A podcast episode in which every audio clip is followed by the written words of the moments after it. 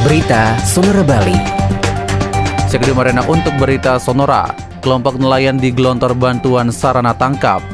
Sebanyak 9 kelompok nelayan dan satu kelompok pembudidaya ikan di Buleleng mendapatkan bantuan sarana tangkap.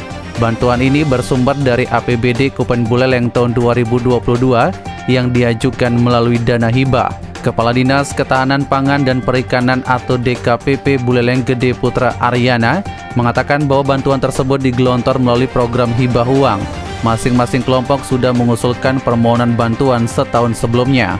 Namun sebelum ditetapkan melalui SK Bupati, usulan mereka juga telah diverifikasi oleh tim DKPP. Pejabat asal Desa Bengkel Kecamatan Busung Biu Buleleng ini juga mengatakan dari usulan proposal yang diajukan masing-masing kelompok, disesuaikan dengan kebutuhan mereka. Rata-rata usulan untuk pengadaan sarana tangkap seperti perahu fiber, mesin, dan juga jala ikan. Namun ada juga kelompok yang mengajukan perehaban balai kelompok.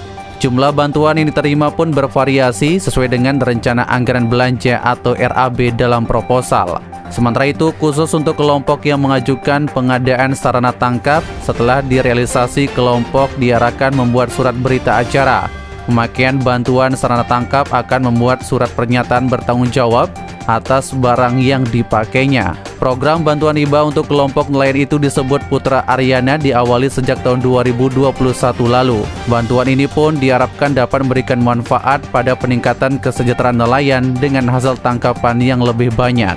Demikian Gede untuk berita Sonora kembali ke program selanjutnya. Demikian berita Sonora Bali. Follow sosial media kami, Twitter, Instagram, at Sonora Bali FM, Facebook fanpage Sonora Bali 98,9 FM, subscribe YouTube channel Sonora Bali Official, website sonorabali.com.